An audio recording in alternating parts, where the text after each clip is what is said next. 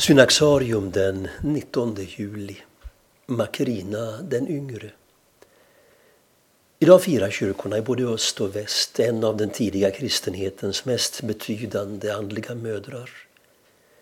Makrina var äldre syster till kyrkoledarna Basileus av Caesarea, Gregorius av Nyssa och Peter av Sabaste. Redan vid tolv års ålder fattade hon beslutet att inte gifta sig. Hon vill ägna sitt liv åt att i bön och utgivande tjänst söka ett odelat hjärta. Makrinas bror, Gregorius, författade hennes biografi och beskriver henne som den som inspirerade hela den övriga familjen till en djupare överlåtelse åt Gud. Efter sin fars död övertygar hon även sin mor om att inträda i det monastiska livet. På Makrinas initiativ gjordes familjens egendom i Pontos i Kappadokien till ett kloster.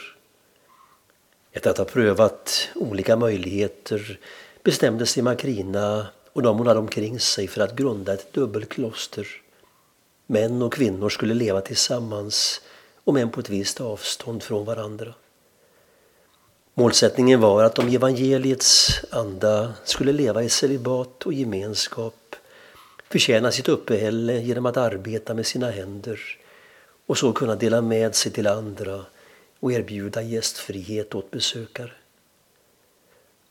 Makrina dog i en ålder av 53 år efter att ha ägnat sitt liv åt att likt en mor leda sin kommunitet. Innan hon insomnade tackade hon Gud för att han öppnat uppståndelsens väg för mänskligheten och bad honom att ta emot hennes liv som ett offer, en rökelse som stiger upp inför dig.